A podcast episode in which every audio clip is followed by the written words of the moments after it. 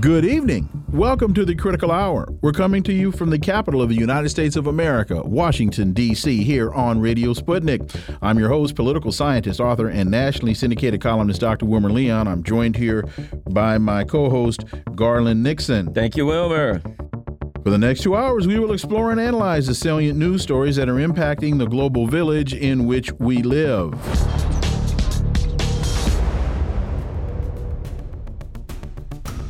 Republican rivals clash sharply in combative debate with no Trump.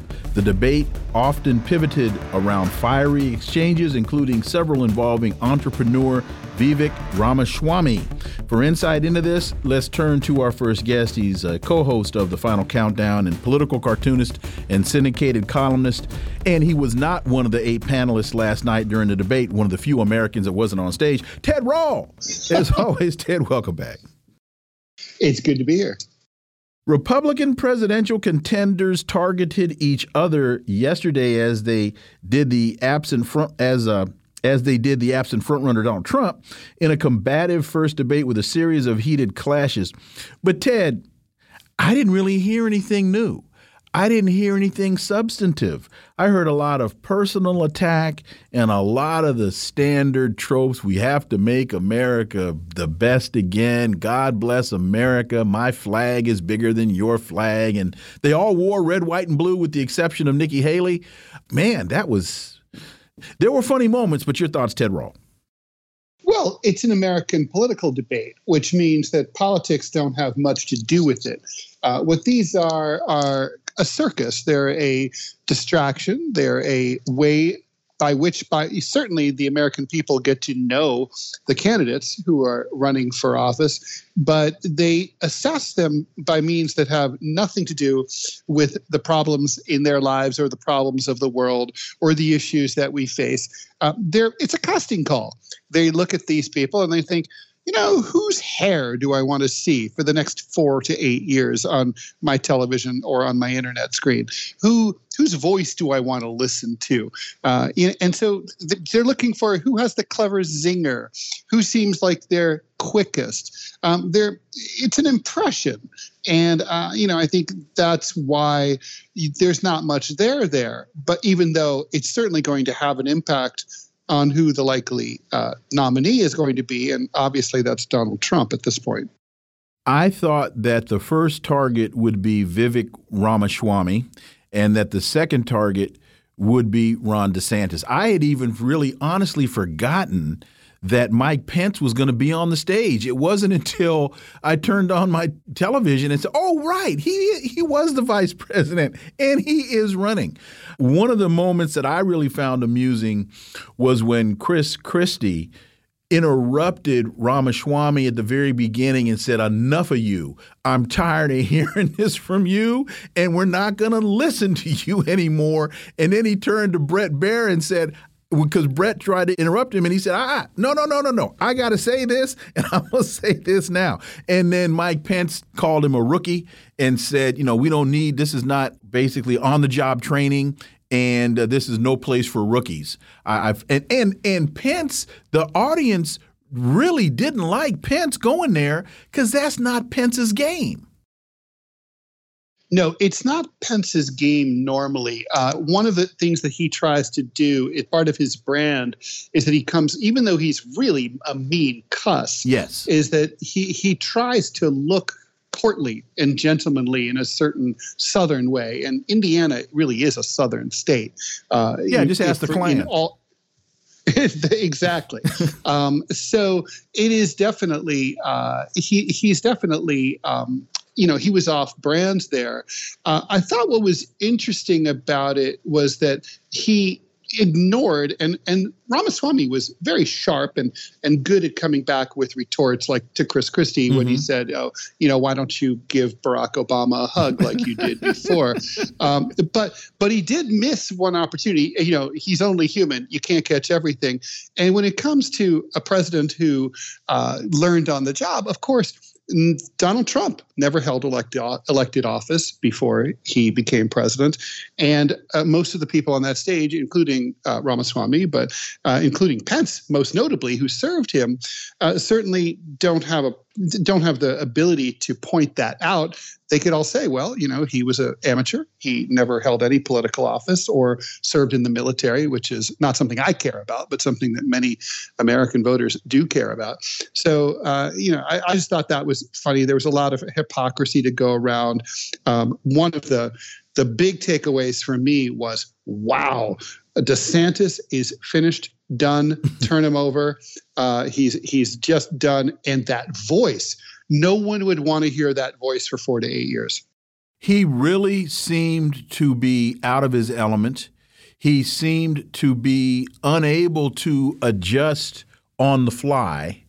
And once he finished his initial talking point and he smiled as though, I got through that, didn't I? And at, to your point, I thought, yeah, stick a fork in him. I thought he was done. And now, when Ramaswamy says, we're going to have energy independence, we're going to drill, we're going to frack, we're going to burn coal, and we're going to embrace nuclear. I said, dude, you really haven't been paying attention to the climate lately, have you? And he also was doing no more than parroting Donald Trump, which made me wonder is he positioning himself to be the Trump replacement if, for whatever reason, Trump is unable or uninterested or unwilling to run? Or was he vying for vice president? I think he's vying for vice president or a position in the cabinet, mm-hmm. um, treasury, perhaps. Uh, he Ramaswamy came off as a guy who's doing a presidential run on the side as a side hustle mm-hmm. to his normal jobs running his businesses. Uh, you know, his answers weren't holistic. For example, uh, in the uh, energy question, there, I mean, it it really would have dovetailed beautifully with his stance against uh, supporting Ukraine because he said he wants to have a good relationship with Russia. And he could say, well, if I were president, I'd have a good relationship with Russia. We would stop the sanctions that are uh, driving up global energy prices. And uh, we would, you know, I'd get on the horn with President Putin and we'd work out something. And that would be uh, a way to alleviate these energy these high energy costs. I, I just like he just missed that, and it's because I don't think he's really thought all of this through very carefully. Yeah, he made he made a number of other highly questionable statements, and and again, going back to the point about uh, new, burn, when he said burning coal, I said, man, you even if that's even if that's what you want to do, I thought that was a a very very bad bad choice of of policy options moving forward, we know that Donald Trump was not on the stage yesterday. Oh, so when you look at the fact, uh, in terms of Republican polling, the number if I if I usually go to uh, real real clear politics and look at their aggregate uh, poll numbers, uh, Trump at about fifty five percent, and coming in second, forty points behind, was Ron DeSantis. I mean, everybody else on the stage was well, well, well behind Donald Trump, the front runner. So, with that, what did last night say anything to you, if anything, about that?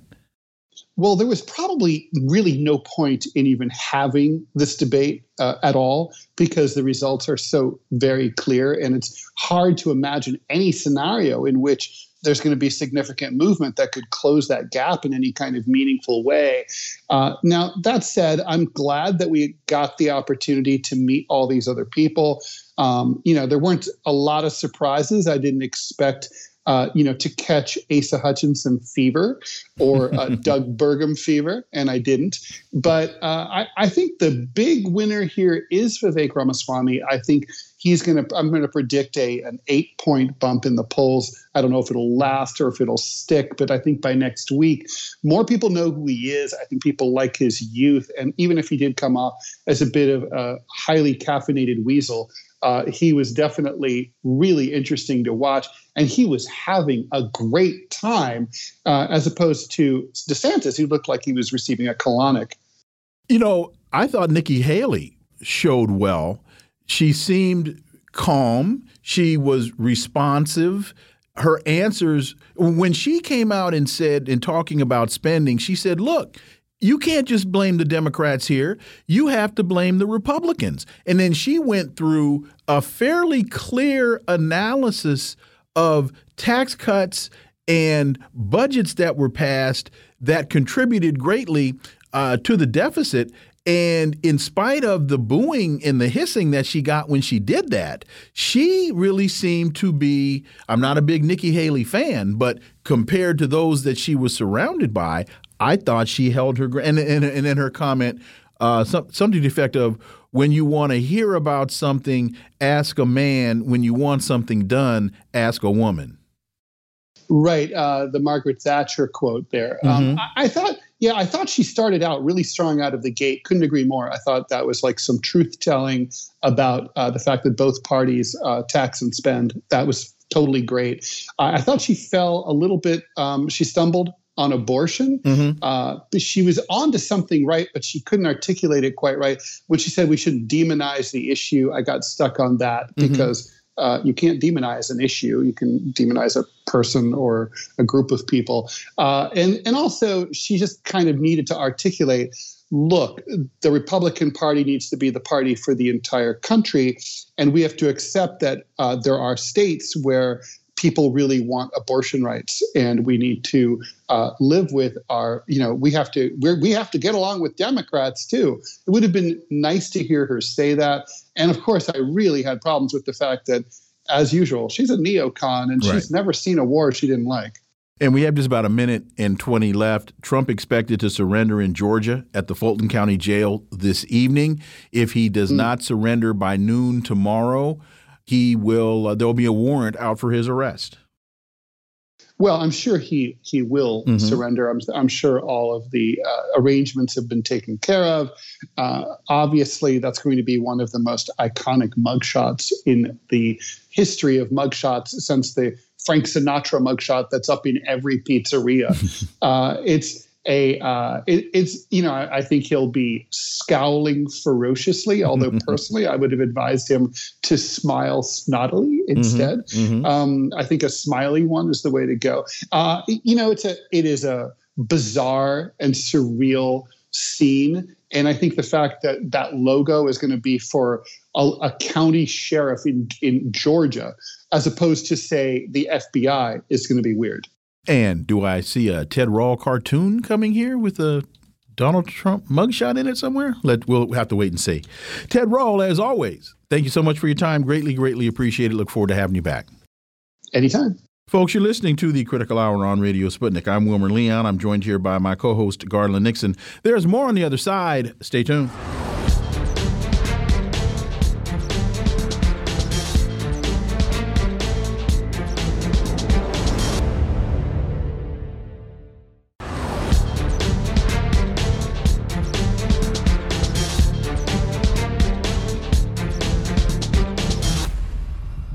We are back, and you're listening to the Critical Hour on Radio Sputnik. I'm Wilmer Leon, joined here by my co host, Garland Nixon. Thank you, Wilmer. Sputnik International reports jet crash with Wagner chief Prigozhin on board. What we know so far an Embraer Legacy business jet went down near the village of Kuzhenkino in Russia's Tver region, about 300 kilometers away from Moscow earlier yesterday.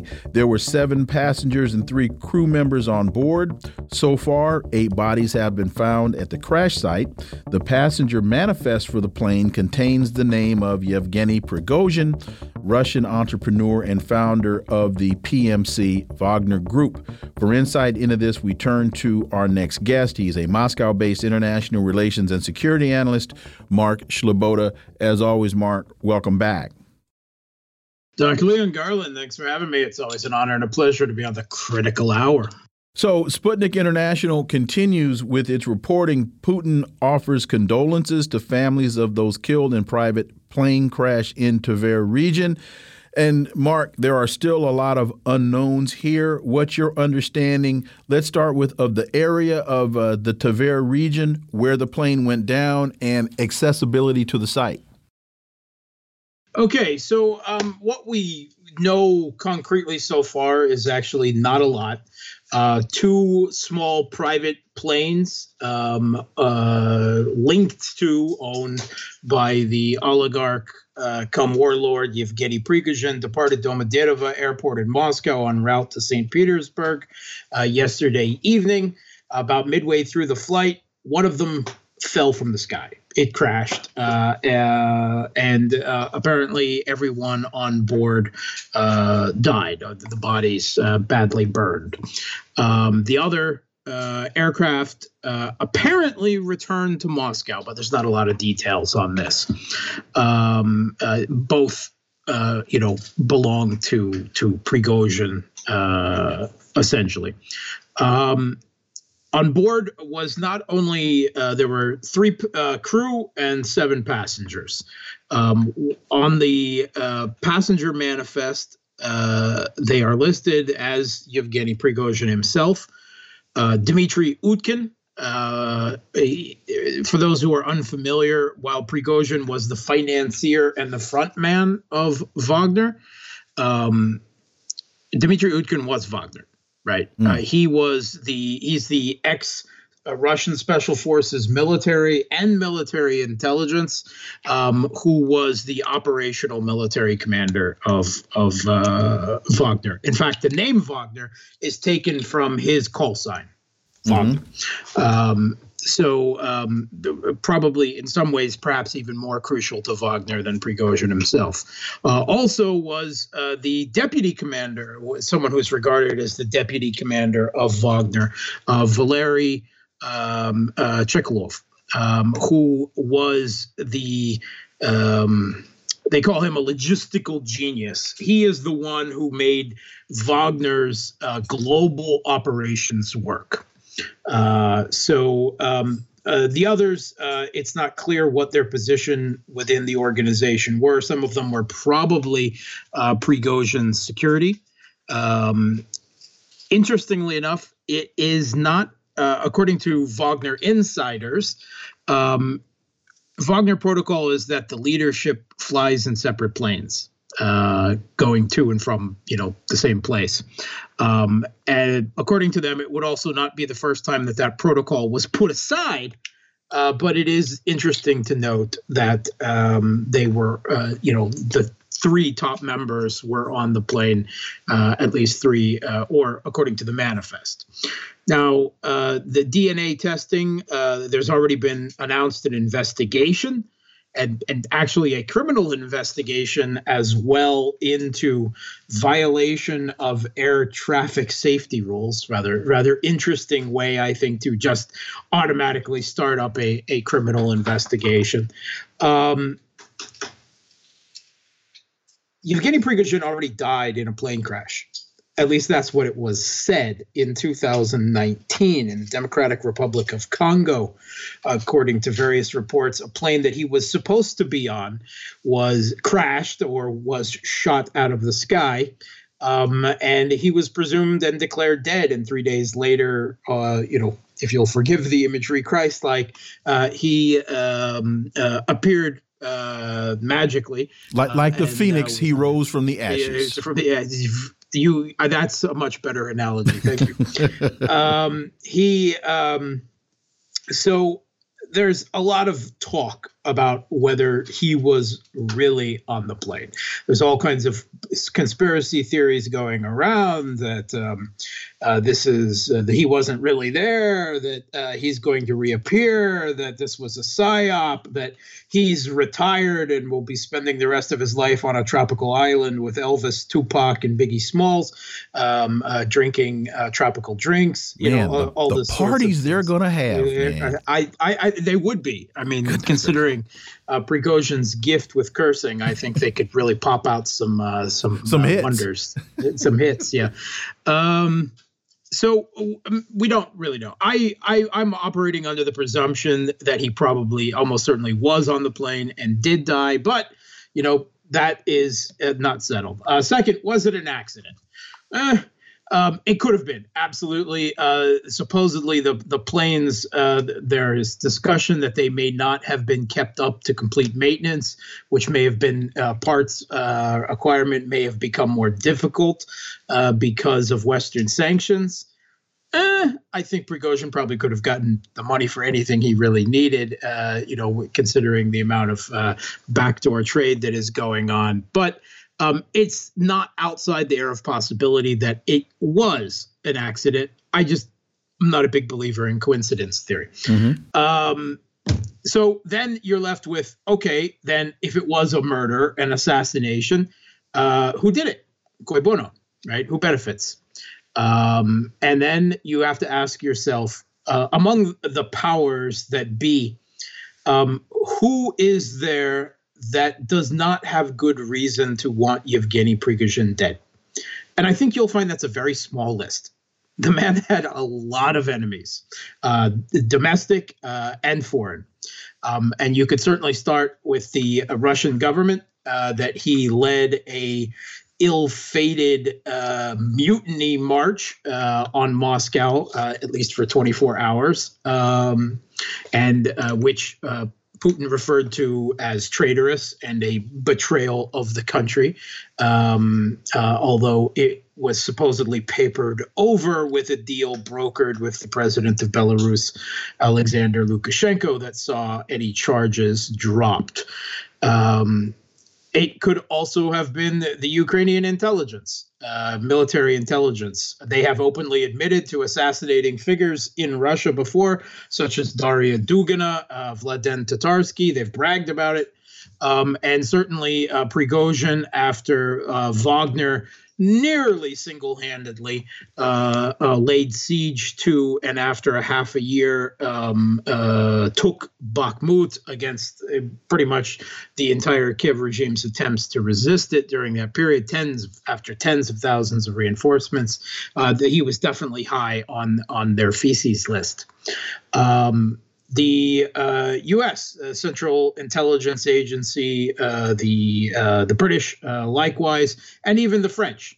Um, Prigozhin was seen as an enemy of their influence around the world, particularly in Africa, mm-hmm. Uh, where numerous African countries have brought Wagner in after kicking uh, what they saw as their French neo-colonial masters out, kicking French military out, bringing Wagner in, and in fact, recently the uh, U.S acting deputy secretary of state and chief leg breaker Victoria Nuland uh, uh, came to Niger to warn the new junta there don't you dare even look at Wagner or I will bring cookies and regime change down on your butts. Um, so um, certainly uh, he was sanctioned, uh, as was Wagner by the U.S. A lot of discussion they were g- going to declare it a terrorist organization or some such. Uh, Wagner so um, uh, certainly a big thorn in the side of, of U.S. Um, uh, global hegemony in Africa, in the Middle East, and Syria, the role that Wagner played in Syria and elsewhere. Then there's also the possibilities of uh, more uh, common things like internal divisions within Wagner. Uh, these sorts of things uh, happen, uh, particularly after the disagreements within the top cadre, evidently over the recent ill fated mutiny attempt um, uh, also uh, oligarchs and criminal connections, of which Prigozhin had numerous uh, of. He had himself had a criminal background before reinventing himself as a pulling himself up by the brutes, uh, bootstraps uh, caterer, um, business magnate, and then eventually, uh, you know, oligarch and and uh, opening a, a, security contracting firm. Uh, so there's no shortage of people that out. Oh, and you could add as well Russia Russians who um, families of uh, Russian um, uh, convicts uh, in prison who were brought by, you know, uh, volunteered to join Wagner in laying siege to Bakhmut in what many people have suggested was uh, brutal tactics, uh, and as well. individual members of the Russian military, a number of which who were supposedly killed uh, uh, at least 12 uh, during um, uh, Wagner's mutiny march led by Prigozhin on Moscow. So uh, a lot of a lot of enemies, and uh, you know the sad truth is we may never know. Mm-hmm. In fact, I think the among the state uh, intelligence agencies I, of of uh, Russia uh, the Kiev regime in Ukraine, the U.S., France, and Britain. I imagine the conversations this morning went a lot like a lot of people came into work and said, "Oh, Prigozhin's dead. Did we do it, or was it somebody else? Was it one of the other guys?" Right? I imagine that that that happened. Uh, so investigation is underway.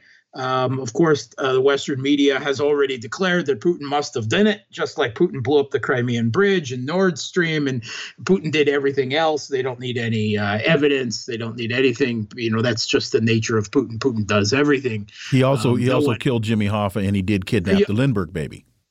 And and you know, um, I, I, despite what RFK says, I'm, I'm, sure that he also killed uh, John F. Kennedy. Yes, he well. did. Yes, he did. Yes.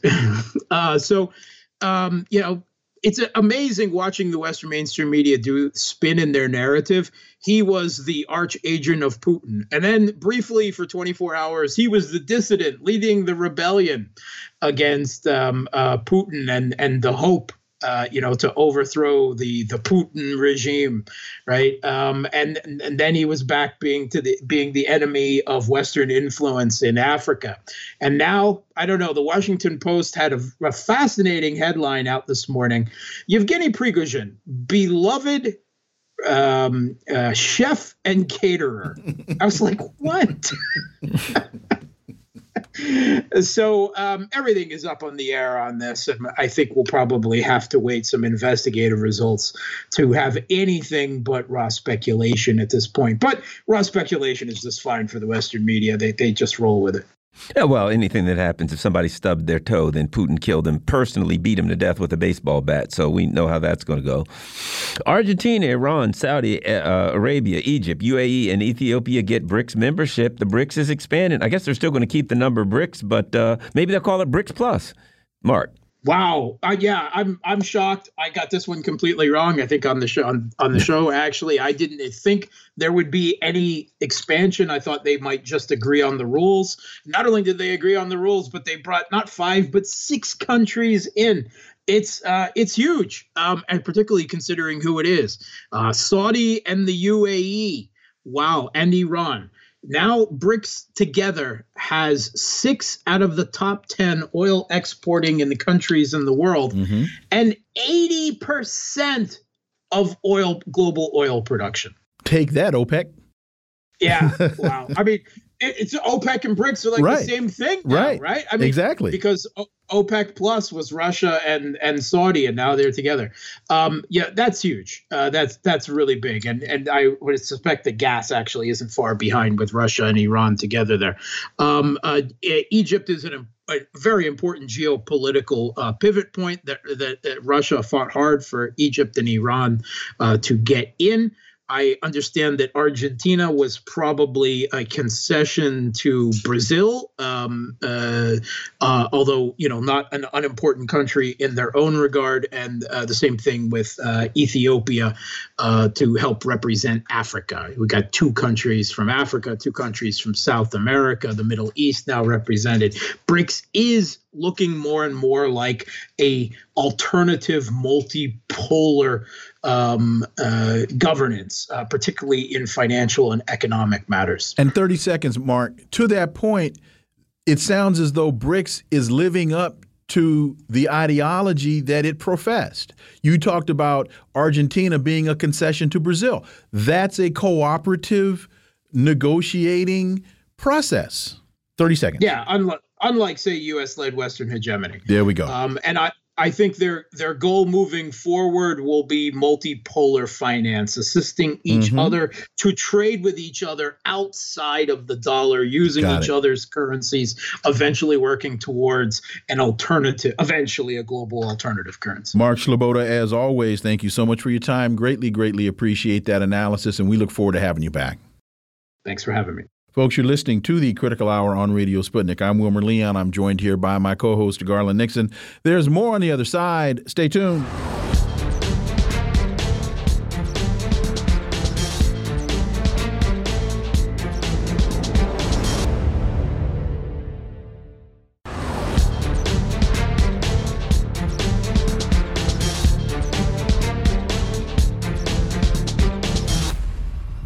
We are back, and you're listening to the Critical Hour on Radio Sputnik. I'm Wilmer Leon, joined here by my co host, Garland Nixon. Thank you, Wilmer. The Christian Post reports Biden criticized for tone deaf remark comparing Hawaii wildfires to almost losing his 1967 Corvette. And don't forget, Sputnik International reported Biden compares blaze scorched Maui to kitchen fire as the crowd shouted, F you.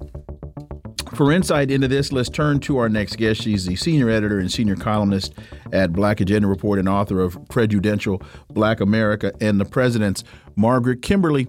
As always, Margaret, welcome back. Thank you so much. So, uh, President Biden, he's facing criticism for attempting to empathize with the victims of the Hawaii wildfires that have killed over 100 people by comparing it to his experience with a small kitchen fire. As the president addressed the victims of the fires in the hard hit community of Lahaina, or Lahaina, I'm sorry, Lahaina, uh, he declared that he didn't want to compare difficulties, but insisted that he and Jill have a little sense of what it's like to lose a home. And the interesting thing to that, Margaret, as well, is the follow up to his story as it was reported in major papers, was it took him 20 minutes to put the fire out. It was contained to the kitchen. He said in Hawaii that he that he almost lost his wife. There was no report of anybody's life being in jeopardy. I know we are all grateful that his 67 vet is still in the garage. Margaret Kimberley. well, uh, I you know it it just boggles the mind that uh, this man is um, he has a cognitive issue. Uh, he he always had a temperament issue. He always had a bad temper, um, and now we see this full blown cognitive impairment where he has no judgment whatsoever, uh, lashing out at foreign leaders, um, uh, criticizing people by name. Now, if you go to this place where a thousand people are missing, and we have to presume dead. Uh, people have lost everything they own. People survived by jumping into the water. And unless you went through something like that, you have no business comparing it to anything. His job as pe- president was to express empathy and tell people what the federal government was going to do for them. That's it. That's all. And someone who's been in politics for 50 years ought to know that. But he's not well. And so these, um, these, this impetus he always had to just blurt out anything is getting worse and worse with time. And uh, not only was it incredibly insensitive of him, but it just reminds us that we have a person who should not be in the White House in the White House. But his party has circled the wagons around him. They said there won't be any debates because they are terrified of him being on a dis- debate stage. But this means we have this person with incoherent thoughts who has these uh, impulsive temper outbursts that this person is president of the country and dealing with every issue that a president needs to deal with. Let me defend Joe Biden for a second.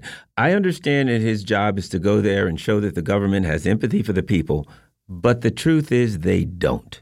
The truth is, he just had to ramble on about something because the Biden administration, if you look at Biden and Blinken and Sullivan and the neocons in charge of this, it is the nature of these people to ignore domestic policy. I would argue even more so that elitists of this nature have nothing but contempt for people of the working class. So in reality, he went there, but he couldn't show empathy because he doesn't have empathy. And the Biden administration, Iran, North Korea, wherever they can shovel money into their filthy pockets or into the pockets of the of the military industrial complex, they're concerned with that. As for us, we can all burn to death as far as they're concerned, Margaret.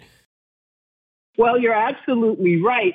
But if you know, most politicians can fake empathy or you know go through the motions. But I, I was trying to think: was this what was worse? His uh, uh, talking about a kitchen, a fire in his kitchen, or Barack Obama uh, going to Flint, Michigan, and drinking a glass of water and saying, "See, I'm okay because I had a lead when I was growing up, and I'm fine." I was like, which performance was was worse? But but you're correct. There are times when it all comes out.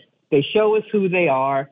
Um, they uh, have made yet another request for emergency aid to Ukraine, which means they could make a request for emergency aid to Maui or to anything else that they wanted to, but uh, but they don't want to.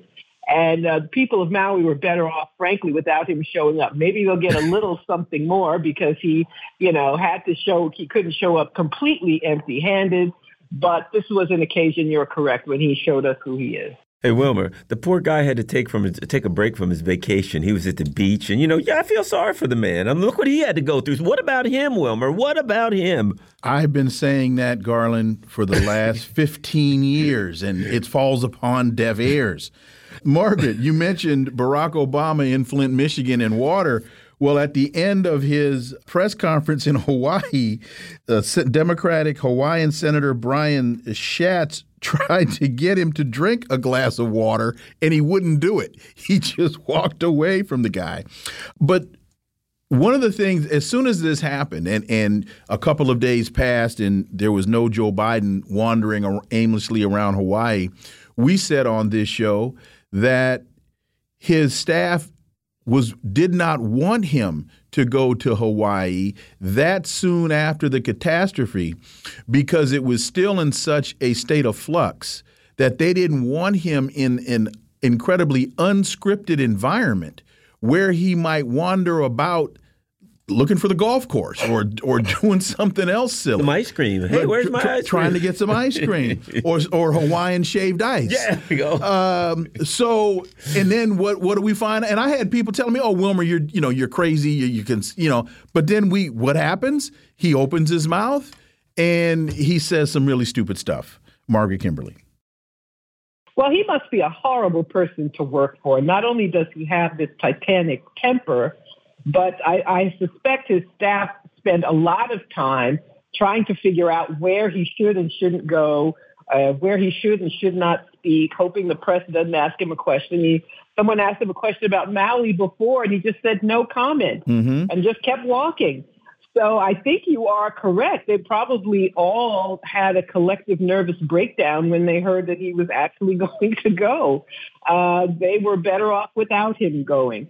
And um, telling what he thought was a joke about a fire in his kitchen when there are hundreds of bodies, some of which have been burned uh, uh, most, all beyond recognition. And they've only identified a few. I mean, this is horrible. This was hell on earth. And uh, it would take someone uh, with political skill uh, to navigate that if they were going to show up at all. And uh, but Joe Biden is not the person who has that, and as uh, Garland pointed out, he uh, can't even stop himself from uh, making clear where they really stand. You know, I'm thinking of the expression uh, when people show you who they are, believe them. Really quickly, Garland, I was reading today that they're having to transfer hundreds of millions of gallons of jet fuel and other kinds of uh, of, fu of, uh, of fuel from military positions in on that island to other places around the world and a lot of people aren't happy that the United States is having to shift uh, again hundreds of millions of gallons of fuel to other storage facilities in Australia and in other places around the world.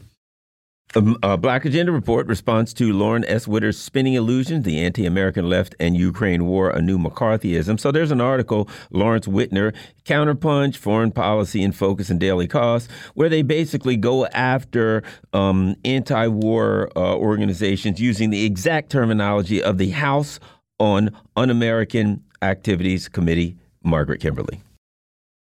Uh, well, I just wanted to say really quickly uh, the fact that the U.S. has all these military bases is one of the causes of climate change. You can't have 800 bases all over the world and not have jet fuel and oil and all sorts mm-hmm. of things.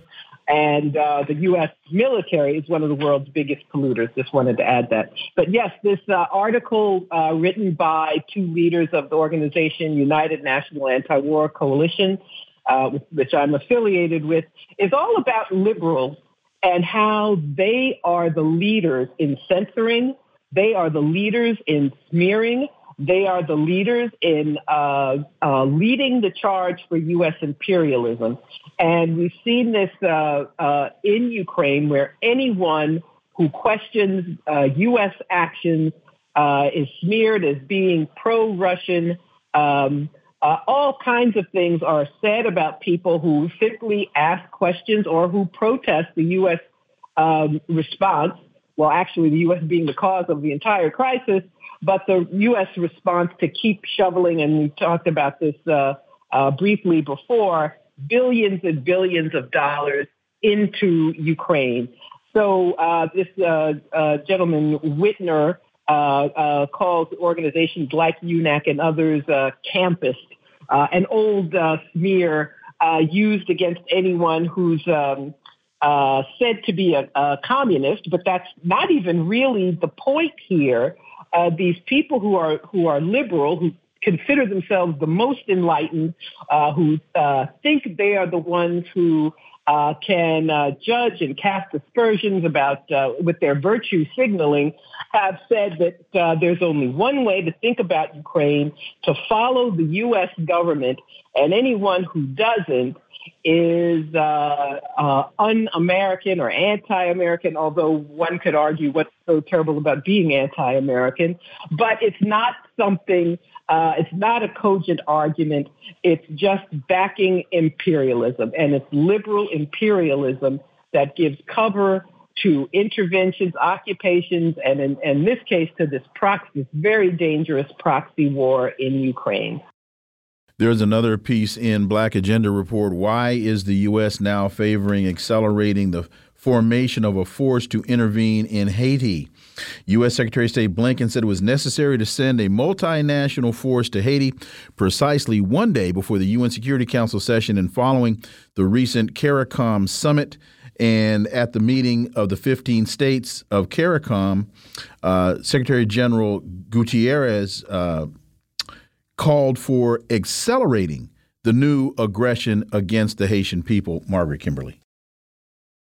Uh, yes, Haiti is, uh, since its founding 200 years ago, has been um, uh, the target of uh, imperialism, uh, first by France, the former colonizer, which stole what are, in today's dollars, billions of dollars in Haiti for decades. The U.S. occupied Haiti uh, in the Woodrow Wilson administration, actually lasting until the FDR administration, also stealing money from Haiti, puppet governments, coups, throwing out the one democratically elected uh, president. The current uh, person with the title prime minister was not elected by anyone. And there is once again a goal of controlling this country and doing so with the help of the UN. The UN has very dirty hands in Ukraine, uh, occupy uh, in, in, Haiti, uh, occupying that country. Uh, some of their UN soldiers bringing cholera to Haiti. Uh, the oligarchs in Haiti are the ones who control these gangs we hear about constantly. And under the guise of caring for people, there's a plan for another intervention, this time using black countries, Kenya and Bahamas and uh, Jamaica, uh, in order to do the same thing. The gangs are used to control the population to keep the country destabilized. But Haitians have risen up and are practicing self-defense against these gangs uh, who wouldn't have their arms, who wouldn't have these military grade weapons if it wasn't for the U.S. connected oligarchy in this country. And so people need to understand that's what this uh, impending occupation is all about. And if you connect just a few historic dots, Margaret, what you'll find, as you just mentioned, France went in and occupied Haiti. The Haitians threw them out. The United States went in behind France. France went into Vietnam in the late 50s. The uh, Vietnamese threw them out. The United States went in following France and oppressing and murdering the Vietnamese in in Vietnam and now in Niger. The Nigerians, they throw out France, United States comes in. We might want to stop following the French is is is the lesson learned here. We got 10 seconds. I would just uh, say maybe the French are rude. I guess we've settled that uh, debate, haven't we? Mark Kimberley, as always, thank you so much for your time. Greatly, greatly appreciate that analysis. We look forward to having you back. Thank you so much. Folks, you're listening to the Critical Hour on Radio Sputnik. I'm Wilmer Leon. I'm joined here by my co host, Garland Nixon. There's more on the other side. Stay tuned.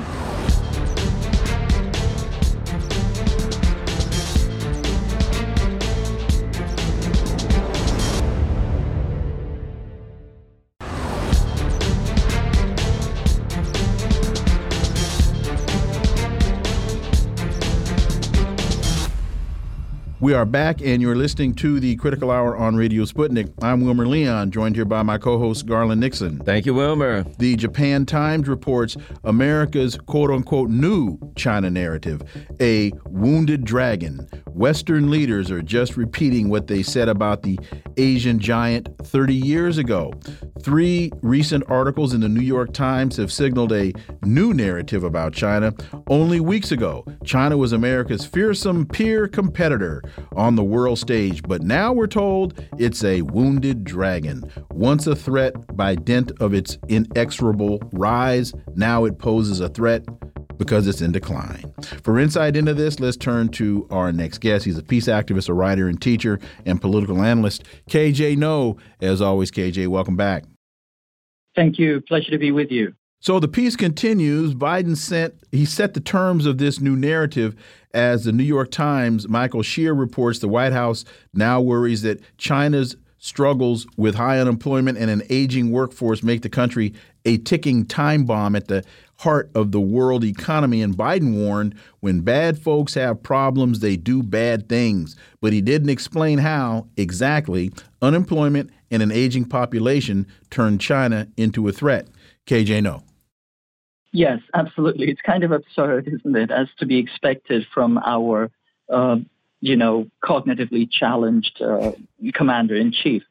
Um, the aging workforce piece, um, the unemployment, you could apply this to most of the Western countries. Certainly, it could apply to Japan. That doesn't make it a threat. A country, uh, you know, just because it's having certain economic problems does not make it a threat. But even so, even that is incorrect because China is doing quite well. Its economy is going to grow by 5, 5.5% this year. That's multiples of any other country, uh, except for some, you know, very small uh, developing countries. Uh, as for its aging workforce, you know, China in China, people retire at 50 or 55. So it's not really a problem. I mean, there's tremendous capacity that China has. But what it boils down to is this constant mantra that when China is getting bigger and becoming powerful, it's a threat. And when the US takes actions to prevent China from developing, then it's even more of a threat. It's this constant thing. Whatever China does is wrong and it's threatening. And it's just this absurd uh, information warfare that regardless whether China is going up, down, uh, left, right, sideways, it is always a threat. It's simply more information war- warfare, but the sheer ridiculousness of it, you know, speaks to how desperate uh, the ruling elite are in their attempts to try and uh, undermine China. Additionally, and I think this is important, the Nobel laureate Paul Krugman, a guy who's pretty much always wrong, um, rounds out the paper's coverage of China's stumble by offering an economist systemic view. According to Krugman, China previously grew, previously grew by, quote, largely by catching up to Western technology. I then go back to this there's a certain level of racism there. Again, what you're saying is, well, you know, these people could not, of their own merit and ability, rise. They just, some kind of way, they caught up with us, and, you know, because we're so great. And once they caught up with us, they kind of grew, but, you know, they they certainly aren't smart enough to handle that or to deal with that or to go further. So now they don't really know what they're doing and they're falling apart. Your thoughts? Yeah. Absolutely. It's racist and it's completely unfounded, even in the kind of uh, mystical, you know, absurdity that uh, Paul Krugman wallows in. Uh, the simple fact is that China has been the richest, wealthiest, most powerful country for 22 out of uh, 20 out of the past 22 centuries. Uh, it's simply a reversion to the norm. China is simply reverting to its historical status and that historical status also includes uh, incredible technological advances and te incredible technological um, uh, leadership. And you can see that not only in the history of China's uh, technology, but also in the current moment where China is beating the United States uh, hands down flat in terms of um, uh, top quality research, in terms of top quality publication, and now even in terms of the top quality technical schools. If you look at any uh, school ranking, you'll see that uh, Chinese universities have nudged out all of the American uh, so-called top uh, uh, uh, scientific institutes. Another article, and you know, this is very predictable. The debate, um, the GOP debate, hopefuls united on China but not on Ukraine. So all we're seeing is, and, and I feel like this: the um, the Exxon Mobil's of the world, the commodity oligarchs of the world, they want to take out Ukraine, uh, uh, uh, Russia. The kind of industrial oligarchs in the U.S., why they want they, they want to overcome China. So all we're seeing to me is the GOP saying, no, no, you're all wrong, uh, uh, uh, Democrats. It's not really Russia. It's China we need to go after. And of course, the Democrats are saying, no, you're wrong. It's Russia and China we have to go over. And we see the warmongers and the elite ruling class fighting it out over over who to blame for basically the fall of the U.S. empire. Your thoughts, KJ? Yes, absolutely. I mean, certainly we're looking at the end game here, but uh, amongst the, the GOP and the ruling elite, you know, there's um, a question or a, a debate going on. That is, you know, do you knock out Russia first and then go to China where you know, Russia is simply an appetizer. It's, uh, you know, it's the starter before you get to the main course. Or do you pivot immediately to China, knock it out, and then knock out Russia? Or do you have an ambidextrous war, two front war? All of these ideas are complete and total insanity. Uh, you do not wage war with nuclear powers. Uh, even even proxy wars are extraordinarily ill-advised, not to mention unethical. But it speaks to the level of political discourse in the United States right now that they're uh, talking uh, that that all the talk currently is about war and where to wage it uh, and who we should attack first. That's the kind of insanity that we see in the final days of empire. And um, uh, uh, the other uh, uh, thing I think is, you know, about that is that the United States right now is living in um, an unrealistic narrative, one after the other.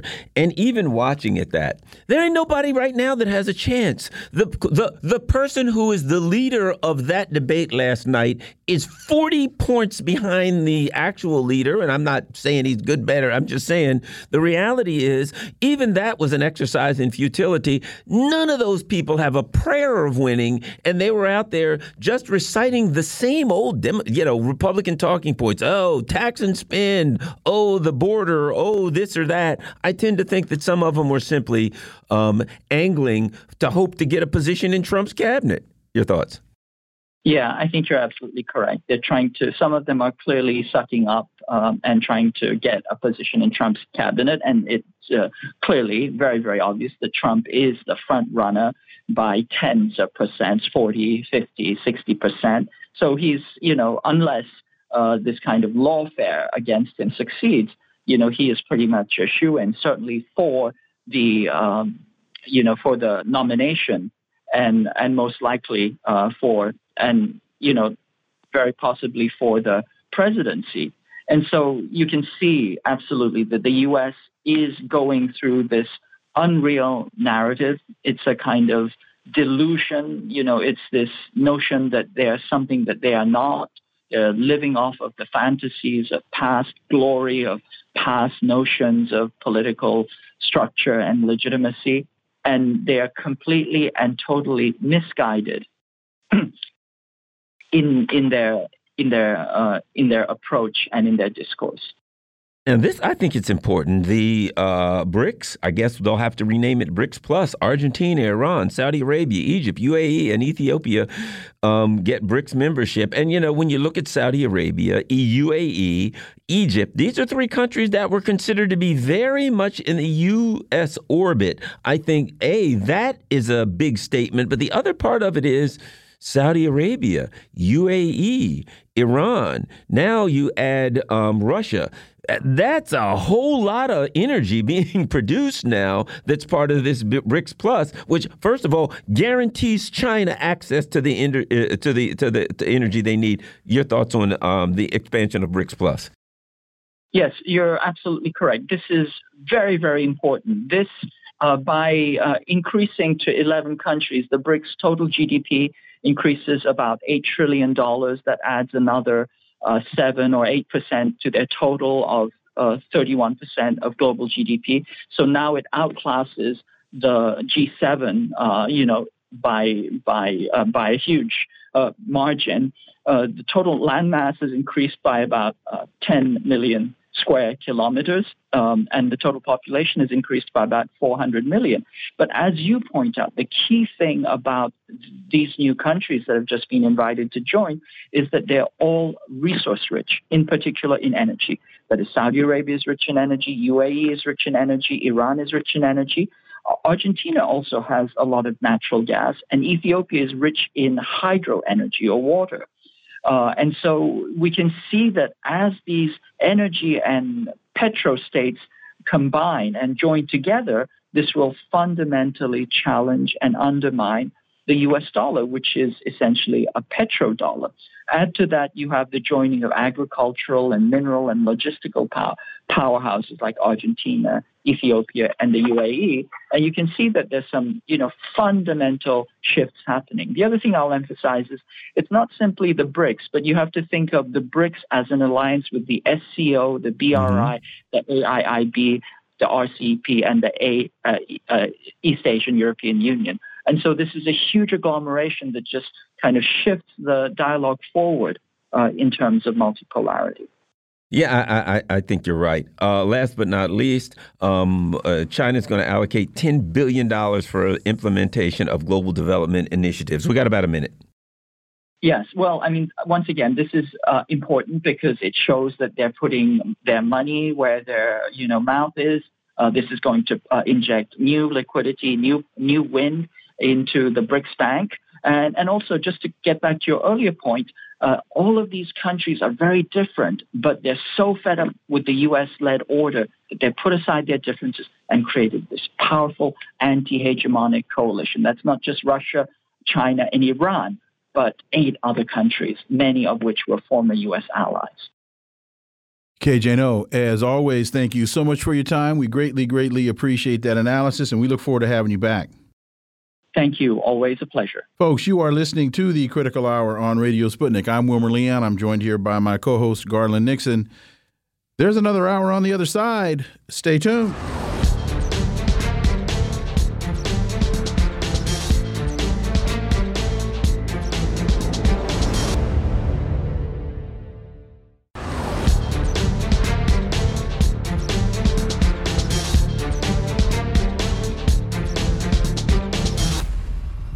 We are back, and you're listening to the Critical Hour on Radio Sputnik. I'm Wilmer Leon, joined here by my co host, Garland Nixon. Thank you, Wilmer. Mondoweiss reports we cannot be selective with justice. Texas congressional candidate Pervez Agwan is standing up to AIPAC. Progressive challenger Pervez Agwan is looking to unseat Representative Lizzie Fletcher, a pro Israel congresswoman who is backed by AIPAC. For insight into this, let's turn to our next guest. He is an award winning broadcaster, journalist, and analyst based in Beirut, Lebanon, Laith Marouf. As always, Laith, welcome back. Thank you for having me. So, the, AIPAC poured over $26 million into the uh, Democratic primaries via their United Democracy Project PAC in 2021. They never mentioned Israel in their ads or flyers, knowing full well that this issue isn't polling nearly as well as it once did with Democrat voters, but they did have a massive impact on the outcome. Most of the candidates that they backed did prevail. Now we have Pervez Agwan is looking to unseat Democratic incumbent Lizzie Fletcher. She's backed by AIPAC due to staunch support for Israel. Uh, do you see any signals here, Laith Marouf? Well, clearly the population in the United States, uh, much of it right now is very critical of, of the state of Israel. The campaigning that the Palestinian diaspora and their solidarity networks in the United States did for the last 20 somewhat years have uh, been very successful in um, providing a challenge to the mainstream media that is uh, very pro Zionist. And as we see, that is trickling down to the realities of uh, the parties, the Democratic and the Republican parties, both in different ways.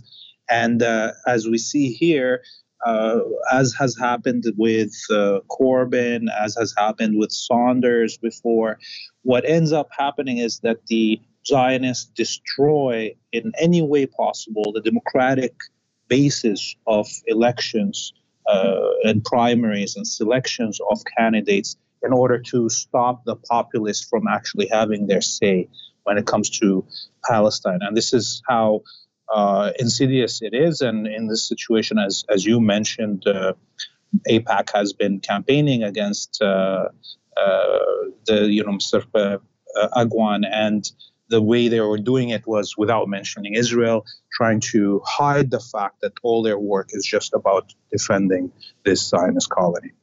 You know, uh, here's something I find interesting. He says the whole thing is fundamental dignity and respect for every living human being. We cannot be selective about how we define human rights. The interesting thing about that is that is that statement is in opposition to empire. It's in it's in opposition to U.S. foreign policy in a nutshell because the U.S. foreign policy is not about being selective about human rights. It's that it doesn't care about human rights. It uses the term human rights as a tool to go after its perceived adversaries. Laith. Yes, and of course, in the eyes of the West, uh, all humans are equal, but uh, some humans are more equal than others. You know what I mean? Animal farm. So it's yeah, yeah. So it's this is exactly what it is, and uh, uh you know, unfortunately, what we see even in the situation where pro Palestinian human rights candidate get to power, as in the quote unquote squad in the United States, we see that they end up using the issue of Palestine as a crux to hide the fact that they're collaborating with imperial positions on everything else on Ukraine, on Syria, on Libya, on any other thing. So, because they know, and it seems like uh, I, I personally, I'm starting to believe this that the Democratic Party is allowing these quote unquote squad members to you know, bark about Palestine to distract, to, to claim that reality because their barking is not going to do anything because they can't get the votes on anything uh, and they line up uh, with the democratic party and the establishment on every other vote so it's just a show and, uh, and that's something that palestinians have to definitely watch out for we don't need allies like that Final point on this you, you mentioned a few names that have uh, fallen victim to these tactics. And another one that I would point out would be Robert Kennedy Jr. and how they are attacking him based upon uh, uh, some comments by his support of some comments by Roger Waters. And now, because uh, Roger Waters is anti-Zionist, they are equating that to being anti-Semitic, and uh, and now uh, Robert Kennedy Jr. has had to come out and rub elbows and, and find uh, solidarity with, with different rabbis and other things to show that he's not anti Israel. Yeah, and I mean, he said some of the most horrendous uh, Zionist propaganda and racist uh, things against Palestinians in order to do like a mea culpa to the Zionist establishment. And I mean, I, you know, looking at his candidacy right now, it's clear that uh, the Democratic Party wants somebody to kind of attract all the voters that uh, within the Democratic uh, Party that uh, you know, question how COVID was used, question the CIA tactics, question all these things, but they don't want them to go far enough to, you know, actually uh, attack Israel. And in, in reality, if you look at it, it's clear that he will not be winning the candidacy for the president of the United States. And again, he's he's playing another role that Sanders played mm-hmm. to keep the flock in South African President Cyril Ramaphosa said on Thursday that the BRICS leadership has decided to invite Argentina,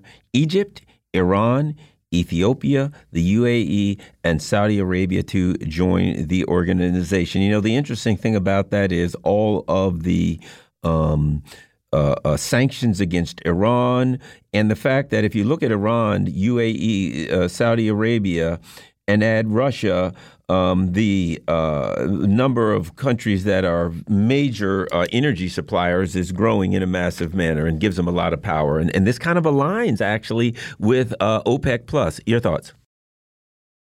You know, there's another way to look at it. If you look geographically right now, other than Argentina, really the, the countries that were accepted in here are uh, what we can say is the depth of uh, Asia and the beginnings of Africa connections. So look at this. Now there is a a mass of land connected from China to Russia through the Caspian Sea to Iran to Saudi and Emirates to Ethiopia and Egypt, all now connected as one market, and uh, you know having one position, um, hopefully, eventually, politically on an international scale. Uh, and all these countries, uh, uh, you know, look at, at their sizes. Egypt is 120 somewhat million people. Similarly, Ethiopia is 100 somewhat million people, um, and Iran, uh, 100 somewhat million people. So we're talking about some of the largest countries with populations in Western Asia and uh, and East and North Africa, uh, and this is a clear change in in Fortress Asia, if we see uh, with uh, the tribe, the triangle that was Iran, China, and Russia now is expanding and has a buffer zone into Asia and East Af- uh, Africa, and that's that's a huge, huge political change. We are going to see the effects of this uh, in the next uh, year or so, uh, ramping up the decline of American hegemony and expansion of NATO.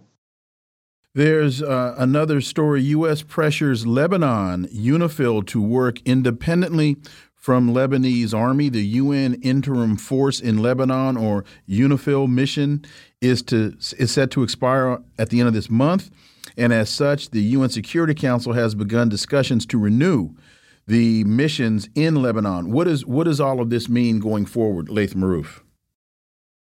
You see, if they keep on renewing this UN mission that has is a failed mission, it has never pro- provided any protection to the Lebanese population. And in fact, anytime Lebanese civilians took refuge at uh, UN bases in Lebanon, they got bombed by the Israelis, killed and massacred there, as happened in Qana twice, not once.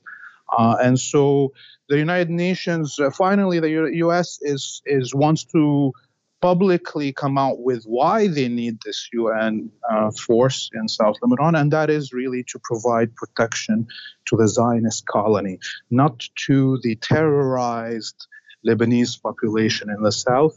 Uh, and uh, if the United States actually pushes in this direction, um, and uh, China or Russia don't veto such a change in UNIFIL uh, positionality, uh, where the UNIFIL will be acting independently without any authorization of the of the Lebanese army, uh, then what we will see is uh, the UN will become a target uh, because it will be considered an occupation force by the people in the south and by the resistance movement uh, Hezbollah. And as we saw even in the last uh, year or so, there's been multiple.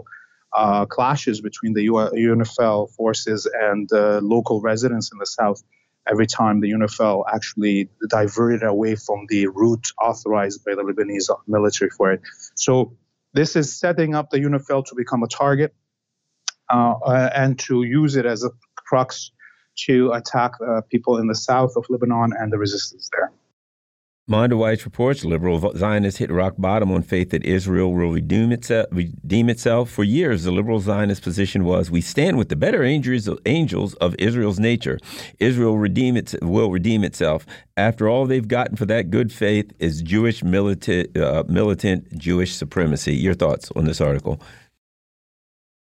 Well, here we hear, you know, the Palestinian um, voices finally uh, you know, making their way to the liberal Zionist heads after hundred years of the Palestinians pointing out that uh, you cannot have a Zionist colony on, in Palestine without the dispossession, and the removal, and the genocide of the Palestinian people, um, and uh, you know, and the implementation of apartheid and Jewish supremacy. And here it is, the Zionist uh, liberals and finally uh, are feeling the heat because the the majority of the liberal circles that they are in as Zionists have long gone uh, abandoned uh, Zionism and have started supporting the Palestinian uh, rights and resistance. And uh, if they want to stay within those circles and still claim to be liberals, they have to be abandoning their Zionism. And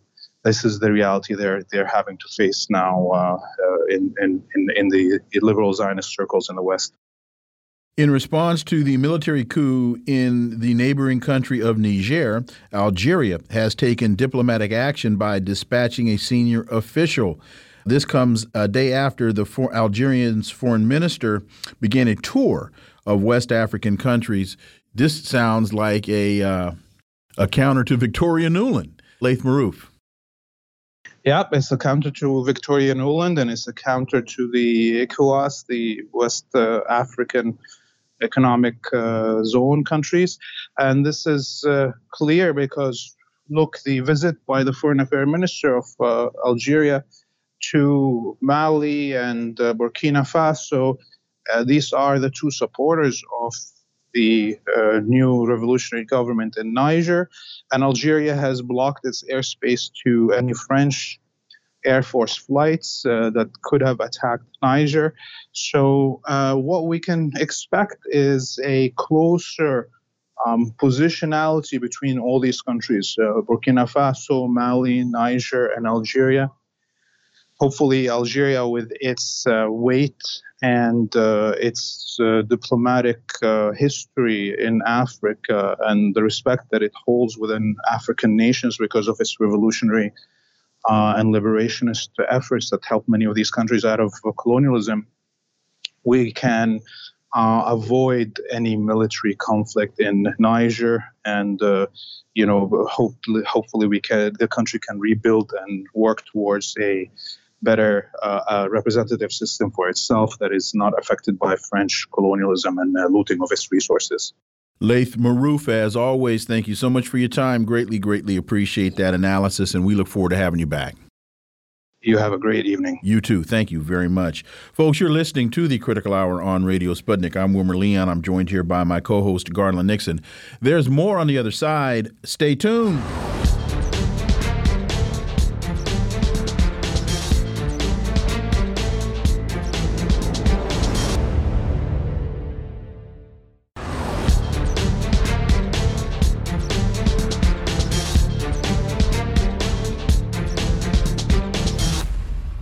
We are back, and you're listening to the Critical Hour on Radio Sputnik. I'm Wilmer Leon, joined here by my co host, Garland Nixon. Thank you, Wilmer. The Greanville Post has a piece entitled Musings from the Margins, number two.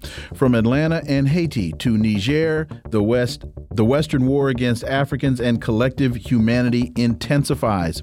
For insight into this, we turn to our next guest. He's chairman of the Coordinating Committee of the Black Alliance for Peace and editor and contributing columnist for the Black Agenda Report and he's the author of this piece. Ajamu Baraka, as always, welcome back. Good to be here. Thank you. The war against Africans intensifies. The puppets and stooges do as they are ordered, while others are satisfied with empty gestures. But the revolutionary path is unchanged. Ajamu Baraka. Yes, sir. I mean that is that's that's the path that we're on, and uh, the Western world uh, understands that well, actually, maybe they don't understand that the world has shifted, um, and in their in their uh, denial, they are uh, pursuing policies that only accelerate this shift of power from the West back to collective humanity. But in the process of that shift taking place, uh, it's quite uh, obvious that these Western powers, under the leadership of the United States of America, still have the ability to to create chaos uh, and to impose suffering and even death on tens and thousands, hundreds of thousands of people. And that's the message that that uh, I've been trying to get across to people that basically we we have to for our own survival recognize that power has to be taken from this irrational, unstable, uh, barbaric uh, element that's still in control. One of the things you talk about in your article is the blacklist misleadership class, and you know, talking about everyone from you know those in the Congress here to you know in in in, in uh, cities leadership to uh, various African leaders. Talk to us about that about that particular dynamic and that, how that affects the uh, the the, this, the the problem and the and the changes that are going on. You know, uh, um, Garland, that, that's really one of the issues that, that we have to understand that for for some folks who pursue a a, a politics, a, a, so-called identity politics, you know, in the U.S., they obscure the the class element here. That white power could not exist, it could not perpetuate itself without the full collaboration of of individuals who share a a, a, a kind of uh, class uh, common interest. Um, and so these these uh, middle class, what we call petty bourgeois elements, in the U.S., for example, uh, in these uh, major urban areas. These are all black Democrats. They all have a, a stake in the system. They they are committed to protecting the system, and we see the same kind of of class uh, configuration on the African continent, with a combination of the petty bourgeois and the nascent national bourgeois, uh, working with their Western masters and both protecting some common interests. Is incorrect for people just to see what's happening on the African continent, for example, with Niger, as just the U.S. and Western Europe manipulating these Africans. Well, it's a it's a manipulation to a certain extent, but there's also a collaboration. That is, you know, they the African bourgeoisie has also drawn a line in Niger because they understand that they are unstable, that the masses in their particular national country, uh, national environments are demanding change, also an authentic decolonization, and they're not prepared to engage in that. So they have a common interest with the West uh, to use military force to try to maintain their uh, their dominance along with the dominance of the collective West. And it's very interesting. I guess this, if we take this from from Animal Farm, where some all of the animals on the farm are equal, some are more equal than others. You carve out a special place for Hakeem Jeffrey within this group of the Black Misleadership class. You carve out what I would say is a comprador class of Hakeem Jeffries, Gregory Meeks, and Vice President Kamala Harris. You got a special place for those three. I really do. I mean, these these are 21st century Uncle Toms, um, and they they have demonstrated over and over again that they are more than willing to to protect uh, white imperial power, and because they are protecting the imperial power of the leading uh, imperialist nation, they become even more uh, more traitorous. Uh, and so, yes, they need to be called out, especially in the context of the politics of the U.S where there's this sort of popular notion that the only Uncle Toms exist in the Republican Party. No, all of them are Uncle Toms. All of them are committed to upholding the uh, the values and perspectives and interests of white civilization, white capitalist civilization, and they all need to be not only be called out, they need to be struggled against. So yes, those three were just three of many on the Democrat and the Republican side that need to be called out and struggled against.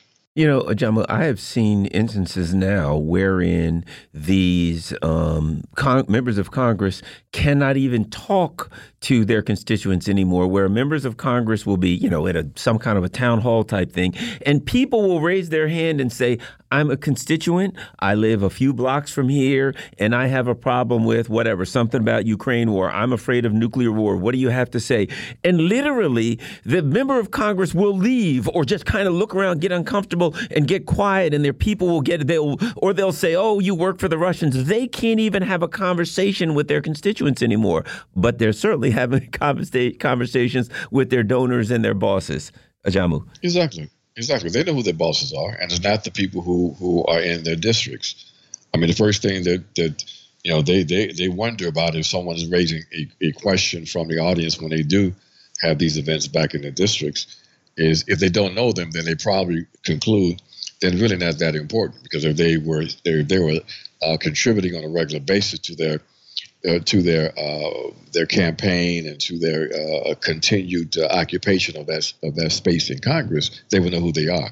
So this is just another reflection of the of the lack of democracy in the U.S. and the fact that if you raise critical questions, um, you are liable to be shut down and, as you said, labeled. So you know the the the very uh, element, very very uh, fundamental characteristic of democracy is the ability to be able to have if to have representative democracy, to ensure that your representatives are in fact uh, uh, protecting and advancing your interests. But right now, we understand that uh, that's just mythology. That these individuals, once they get in office, they only are concerned with uh, their ability to to serve those who are uh, buttering their bread, if you will, and it ain't the people. You write to Kenya with the help from Rwanda and the blessings of CARICOM as the front organization was selected to serve as the strike force for the assault on Haiti and the Haitian people. That takes us then back to Kamala Harris and to Hakeem Jeffries. But talk about because that's a that's a very very imminent as I say as imminent as what could happen in Niger. But the United States is really chomping on the bit to get boots on the ground in Haiti?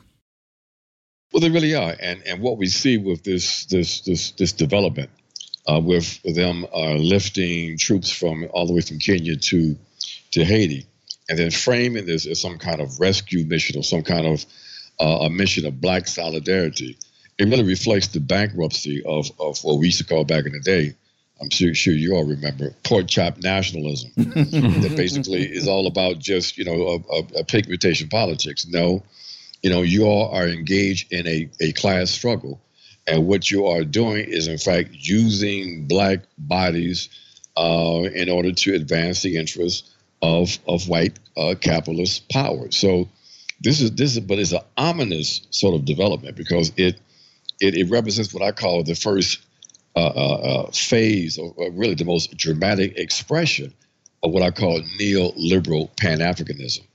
Uh, and we can't allow that to stand. So, you know, but they, they're putting themselves in a position that is the Kenyans uh, to, to uh, meet stiff resistance. it's just unfortunate, therefore, much, much of the left and for the general population in, in, in the U.S., there seems not to be much awareness. And if there's awareness, there seems to be um, uh, support for this intervention into Haiti. Could you see a circumstance where the troops from Kenya or the Rwandan troops would look and say, wait a minute, you want us to go where and do what? No, we ain't doing that. And do it for who? No, we're not about that life. Well, you know, I don't know. I think uh, we, we will hope that that exists. But remember now, the Kenya police forces that are going to be inserted I have a, a, a, notorious for their own brutality yes. in Kenya. Mm-hmm. Mm-hmm. And the Rwandans are playing the role of, right. of, of, a, of, a, guard for, for the U.S. in Africa. So no, I don't see that kind of consciousness existing. We hope it would. Yeah, I, I just that just popped in my head, and yeah, I understand exactly what you're saying, but but I guess I'm just I'm just hoping that a that a bit of reality would sit in, and brothers would say, "Nah, man, we ain't playing this one." Well, on the other side, e Ibrahim Traore. We're seeing some, you know, a young man, Africa being the youngest continent on earth, um, a young man coming forward, kind of picking up the the baton from Thomas Sankara, saying, making revolutionary statements, and you know, basically speaking to the young people of Africa, telling them to be willing to fight back. Um, what are your thoughts of the importance of Ibrahim Traore, Traore and people like that who are in Africa today, kind of waking things up? As a symbol, I think it's very important. Um, there is a, a, sense of resistance on the African continent, something that this young man understands and uh, and many people across the continent understand is in place. Uh, and that's what makes the this uh, intervention into Niger so dangerous uh, for these these Uncle Tom Africans because it is going to undermine their own standing in their nations, uh, and so there's a, a resistance, a threat of resistance. He represents that. Uh, and we're going to see more of these kinds of, of activities on the African continent because the left forces are just so incredibly weak right now on the continent. Uh, and it seems like the real politicization taking place uh, among various social forces is taking place among these militaries, which is very, very interesting. And we've talked about this before, but but uh, since we mentioned uh, that there's a generational element here, and and when you read his speeches, he references my generation and how his yes. generation feels, and that demonstrates a a different mindset, a different reality. It really does. And what it represents is an understanding that the decolonization process was arrested in those uh, uh, countries uh, that continue to be part of the French Empire, basically. So that so because of the changing conditions on the African continent and globally, that process of moving toward more authentic uh, decolonization, real national self-determination, has accelerated significantly. And that's the element that uh, the, the, the French are afraid of, and quite frankly, even the U.S. So, yes, this new generation wants to fight for its dignity. And that's the kind of, uh, of image that this young man uh, uh projects dign- dignified leadership. Uh, Jamu Baraka, as always, thank you so much for your time. Great, great piece. We look forward to having you back. Thank you so much. Folks, you're listening to the Critical Hour on Radio Sputnik. I'm Wilmer Leon. I'm joined here by my co host, Garland Nixon. There's more on the other side. Stay tuned.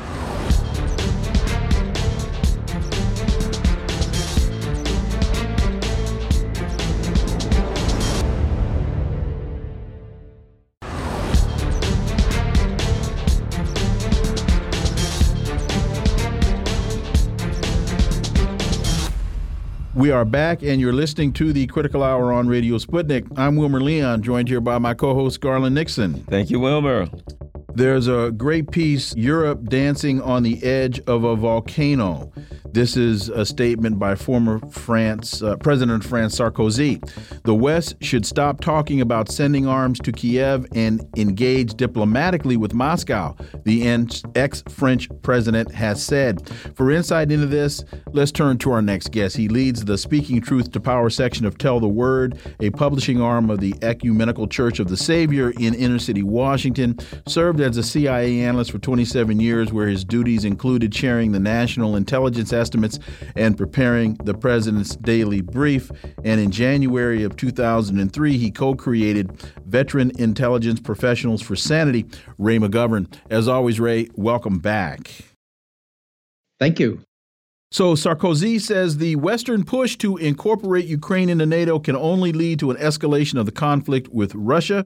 He is was also expressing doubt that the opposing parties in the standoff have used all the tools at their disposal to achieve peace. Uh, you think, Ray McGovern? yeah, I think. Um, he's a little late to the party uh, talking about that, but better late than never.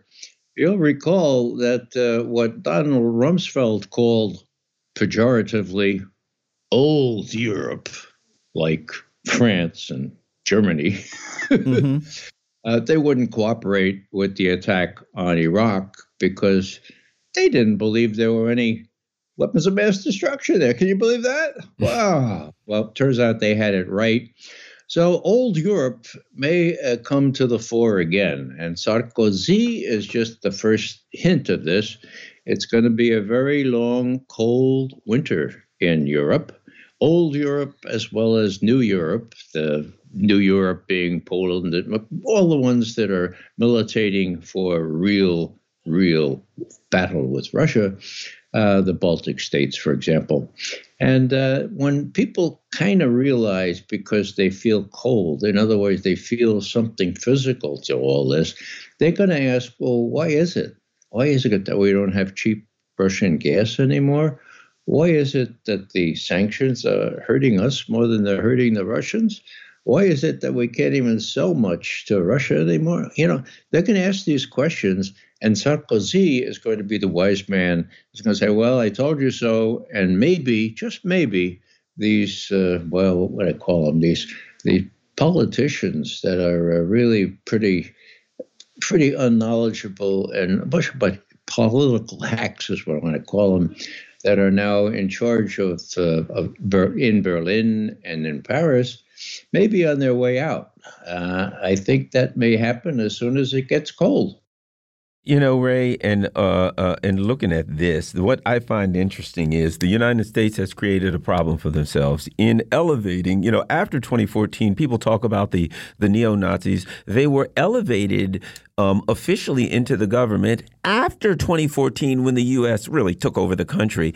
And so they've got these hardliners, crazy people there. Well, Sarkozy says, hey, we need to look for a solution. And hardliners do what hardliners do. No, no, we got to fight the Russians forever. So the U.S.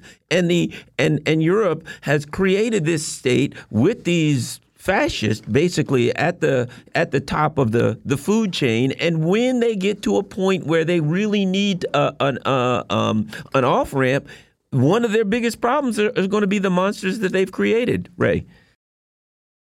Well that's true. There are all kinds of monsters uh, on on both sides of that off ramp.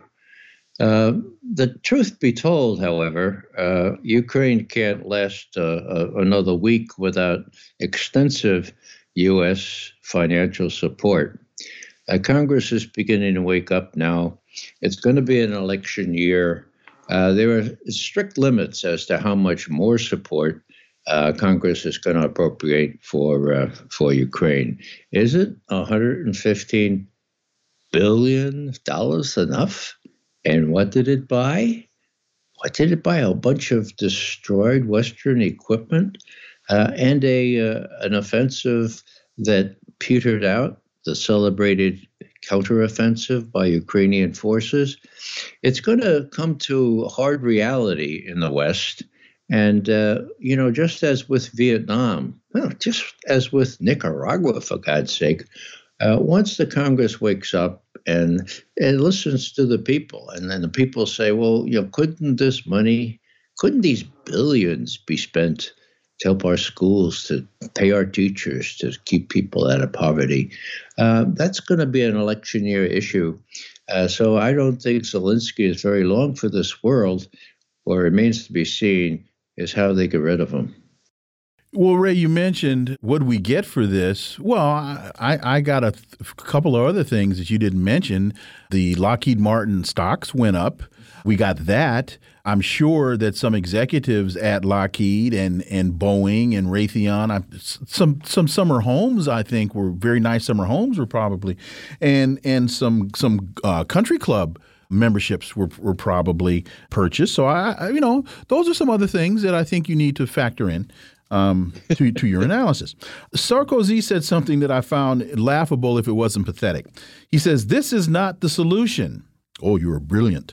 The solution is to discuss for reasonable people to sit around the table, for us to give Ukraine security guarantees, and for us to engage in discussions to see at least if we can get out of it other than by annihilating either Ukraine or Russia.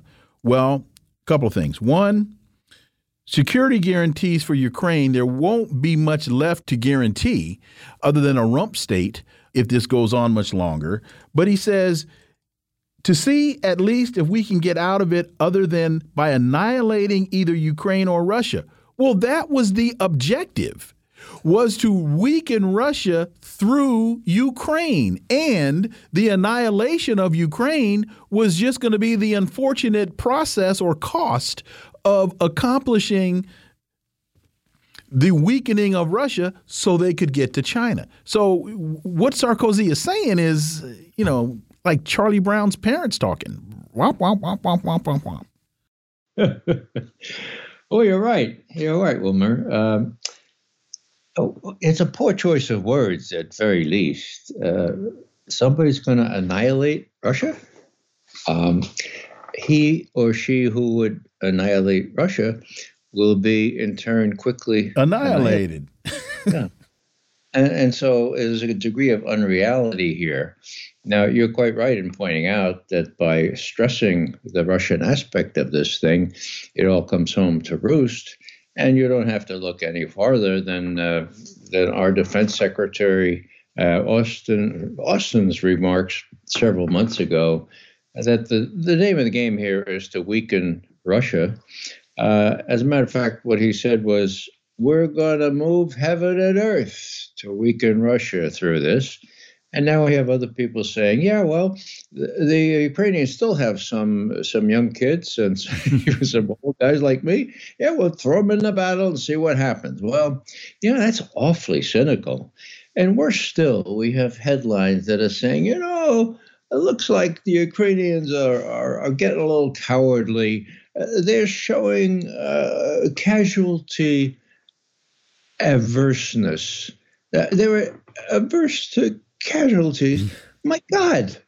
I mean, isn't 300,000 it's conservatively estimated? Isn't that enough? There got to be more casualties. You know, they're proving the truth of the early adage that we are going to fight this thing till the, the last Ukrainian. You know, Ray, on your website, and I would uh, uh, commend everyone to go to raymcgovern.com. You've got an interesting article. Just some mini nukes. Why Joe Biden and son, Blinken and Sullivan may resort to mini nukes rather than concede Ukraine defeat and a NATO power failure. You, what, what, what's, what's up with that? What do we need to know? You're scaring me, Ray. You're scaring me. well, uh, I'm scared myself. Um, you know, if you look at, at Biden, so uh, two months ago he says, "All right, look at uh, Ukraine's running out of uh, shells for its uh, 155 millimeter howitzers and so forth. Let's give them some of ours." And Austin says, uh, and Milley said, "Well, sir, uh, we don't have too many more. Well, let's give them some more. No, we're too low ourselves. Well, hello. Now now we're hearing that they're running short of gunpowder. Like, all right. So what we have here is a really ridiculous situation where uh, they decided they decided on cluster bombs. My God, 111 countries in this world came out against cluster bombs many years ago. So what's next? Nukes. Now, mini nukes would Sullivan and Blinken and Nuland opt for mini nukes, nukes rather than to lose? Well, my point here is they have a personal stake in this, okay? Mm-hmm. And that is that election is coming up. And there's lots of evidence that not only Hunter Biden, but his dad were deep into uh, bribery and graft, okay? That Blinken started this campaign where 51 intelligence managers said, oh, Biden's laptop, uh, Hunter's blacktop was, oh, it smelled of uh, Russian disinformation, all the earmarks of a Russian. Dis- okay, so who did that? That Blinken did that, and it's provable. Now, how about Sullivan? He's responsible for the Russia thing, Russiagate thing. In other words, a DNC hack. There was none, and it's provable now by sworn testimony. So all four of these guys have to worry about, oh my God, what happens if we lose the election? What happens if we lose in Ukraine and therefore lose the election? Oh my God, who who the Republicans have? Oh God, we may be put in jail for God's sake. Now, this is not something I joke about. This is a real personal thing now. These guys have a personal incentive to make sure they don't lose so badly in Ukraine that they lose the election and suffer the fate of what uh, I think an incoming Republican president, whatever his name is, will will wage on them. So that makes it very you know it doesn't matter what government thinks. It matters what uh, Vladimir Putin thinks. And uh, I like to to to put myself in his shoes. I think he may be thinking some of these same thoughts, and that makes things very very delicate. And quickly, there are those who say that Zelensky had some goods, some data, some documents on Biden's, on the Bidens, and that that's one of the things that has enabled him to stay alive up to this point.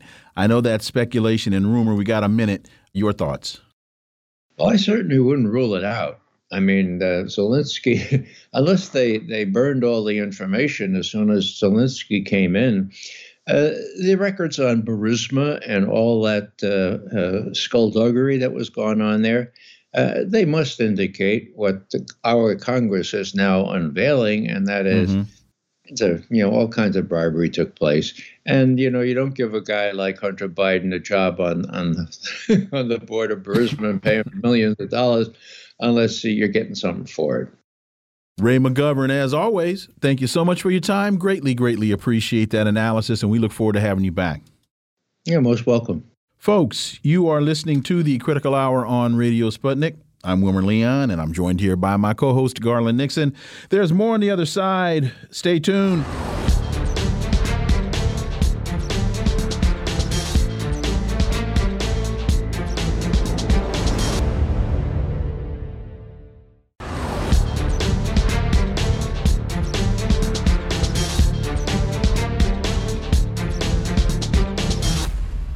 We are back, and you're listening to the Critical Hour on Radio Sputnik. I'm Wilmer Leon, joined here by my co host, Garland Nixon. Thank you, Wilmer. Julian Assange supporters demand charges be dropped in vigil outside Merrick Garland's home. Supporters of WikiLeaks founder Julian Assange gathered outside Garland's home in Maryland this past Sunday for a vigil, urging him to drop the charges filed against the Australian journalist for publishing classified U.S. military documents that had been leaked by a whistleblower. For insight into this, let's turn to our next guest. He's a comedian, radio host, and activist, Randy Credico. As always, Randy, welcome to the Critical Hour. Thank you. First of all, it's a honor to be on the show. I listen to it all the time. It's uh, kept me sane those 10 hours a day listening to your show and listening to John Kiriakou uh, and some of the other shows uh, on, the, on the same network. So uh, thank you.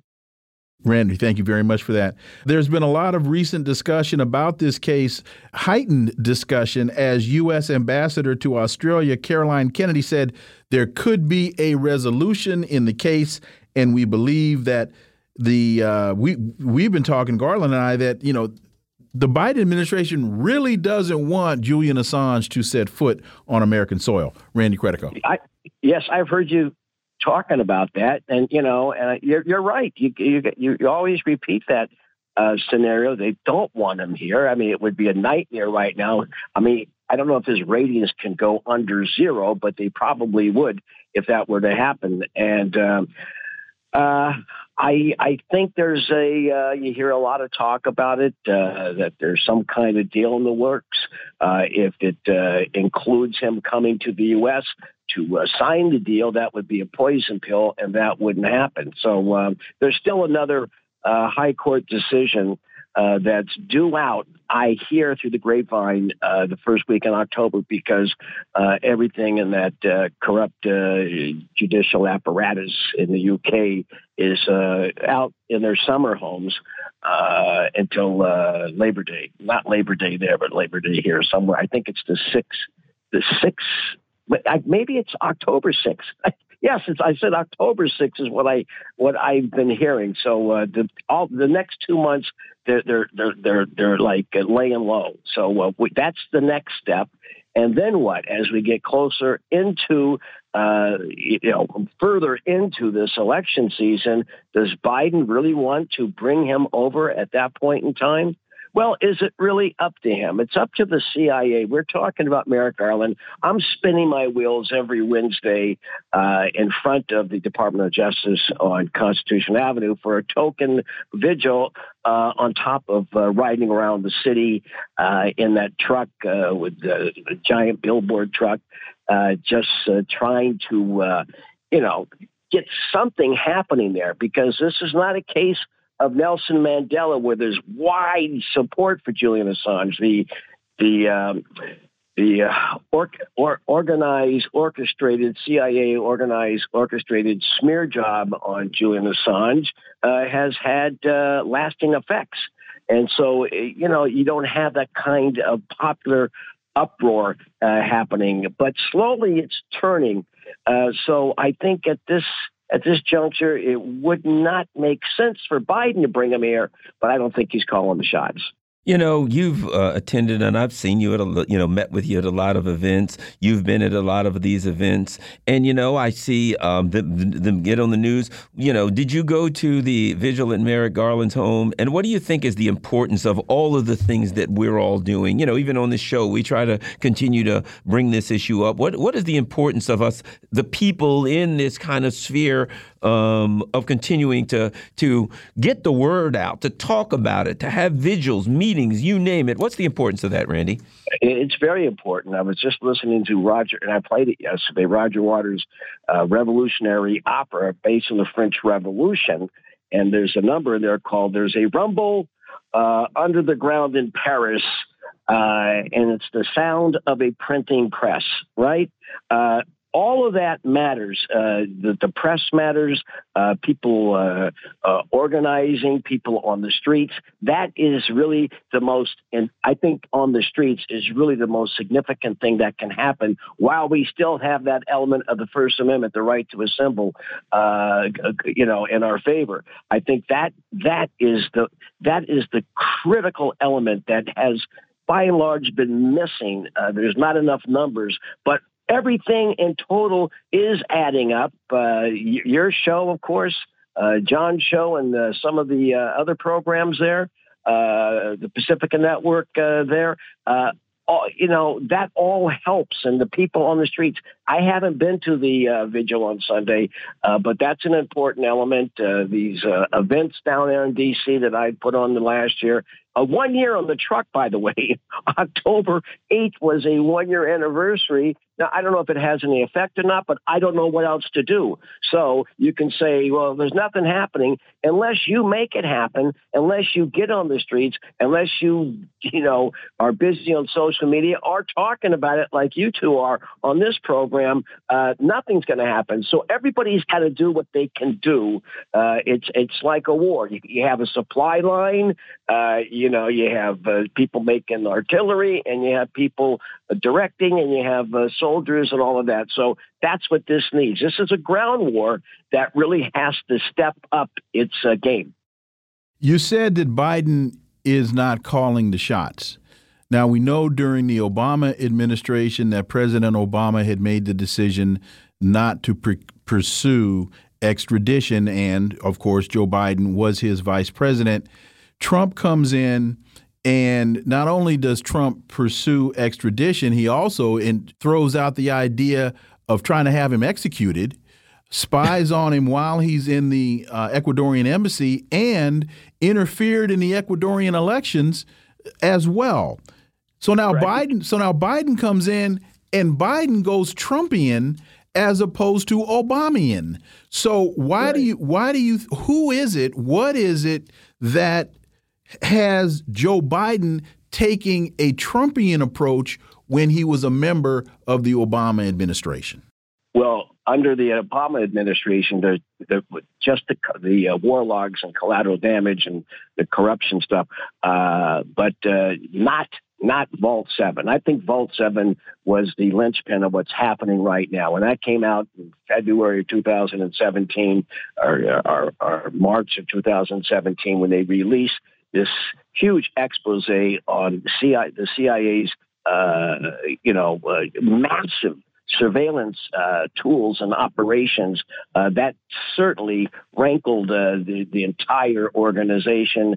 And as you, if you recall, Pompeo went on uh, and started this huge all-out war mm-hmm. on Assange at that point in time. So when that happened, that's that's really it's the CIA. That's when it really happened. The the uh, assassination attempts, uh, the, uh, the, the the massive spying by UC Global through the CIA and the dude who owned the Sands. And I, I used to work as a comedian at the Sands when that guy uh, Sheldon Al uh, Adelson. I actually worked. I, I used to talk to that guy, and, and ironically, spying on me when I was in the embassy three times in 2017. I so that's it. The CIA that was that that rankled them so much that uh, that that's what's driving this. And Trump probably would have pardoned him if not for because you know no one was talking about Assange, about the indictments and all of that. Uh, Trump liked them in 2016, and suddenly in 2017, Pompeo comes in, and the, the, the whole game changes, and that's because of the CIA. And I'm sure just before he uh, stepped out of office, uh, somebody said to him, "You can do anything."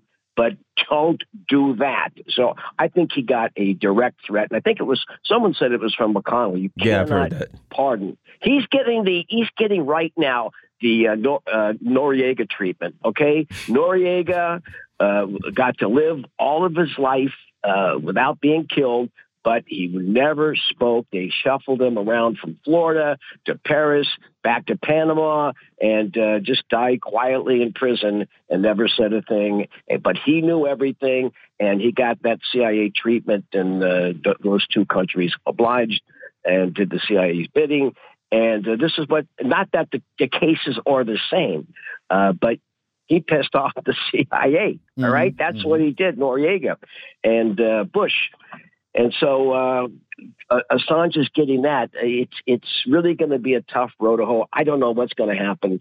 Uh, if he comes out right now, he's going to embarrass. It's going to be embarrassing uh, for the government, for the CIA, if he goes somewhere and starts talking about what happened when he was in prison, what he might know, what they're afraid of. You know, it, it's they've made the decision. All right, we. It's sad that he, his kids don't get to see him. His wife don't doesn't get to see him. Uh, that he's been in in this uh, Tower of London situation on the ground floor, uh, tortured. I mean, he was kidnapped, renditioned, and tortured uh, for the last four and a half years. So. Uh, Oh, so I mean, so so that that's really. Uh, I mean, I think we all we all know the CIA. They don't forget. They don't forget. And you know, I, I spoke to um, I spoke to Seymour Hersh. He says they're not letting him go. You know, so who knows more than uh, than him about the CIA? But that doesn't mean that you don't stop fighting. Right, right. Well, let me ask you this, Randy, I, and I think the same thing. They're scared to bring him here because the reality is torturing him, um, planning to kill him, and um, uh, uh, uh, uh, um, uh, spying on his attorneys in any court. It's going. Now, I'm not saying that I trust these courts here, but those are some very strong points for a defense to make to get it thrown out. Do they really want to have to put a judge in a position to have to rule to rule on a defendant that the government said they wanted to kill and spied on his uh, lawyers? Well, if if they brought him here, they'd probably put him in the same cell with Jeffrey Epstein. Uh, oh, they can't because Jeffrey Epstein isn't here anymore. Yeah. I'm sorry. Go Oh, ahead, Randy. right. Uh, no, you're, you're absolutely right. But they can find a judge like, uh, you know, somebody told me, someone that you know, uh, said that uh, all judges are in the tank. One way or the other, they're all in the tank. They'll find a judge like Judge Hoffman uh, or Kaufman in the uh, in the Rosenberg case. All right, uh, who uh, you know, Roy Cohn said to him, "If you don't sentence them to death, we know uh, where your brother is, and we know about his tax problems and uh, some sex problems. So, uh, you know, and he became a progressive judge after he sentenced them to death. This man and woman who were not guilty of giving the, the Soviets uh, the secrets, the non secrets to the nuclear bomb. So, uh, it's easy. I mean, at that courthouse there, and it's worse than than the than the Guantanamo. I mean, that courthouse. It's like that judge. Who was that judge? Uh, Ronald uh, Ronald something. Uh, Hitler's judge. Remember the judge Right, right, right. all those guys? He stood up and was screaming at the defendants who uh, Stauffenberg or whatever his name was. That's the kind of judge they. Those are the judges that go into that Alexandria, Virginia courthouse. Okay, these are the same judges in the South that would that would sentence young black kids uh, to prison for not raping somebody. All right, so it's it's you have the uh, you, you know the Southern uh, courthouse uh, environment and culture. That's what is happening. That's what it's like in Alexandria, Virginia. It is. It's beyond a kangaroo court. And it, I, you know, excuse the pun on kangaroos because is that a pun? No. Uh, that he's from Australia and he's going from a kangaroo country to a kangaroo courtroom, uh, and who knows? And it would take a year, two years, three years, four years for the process to work out.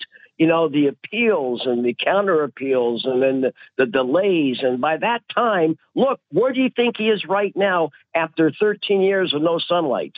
Right. We have just a, a minute left. And, you know, with that, Randy Credico, uh, as always, thank you for your work. Thank you so much for your time today. We greatly, greatly appreciate that analysis, and we look forward to having you back.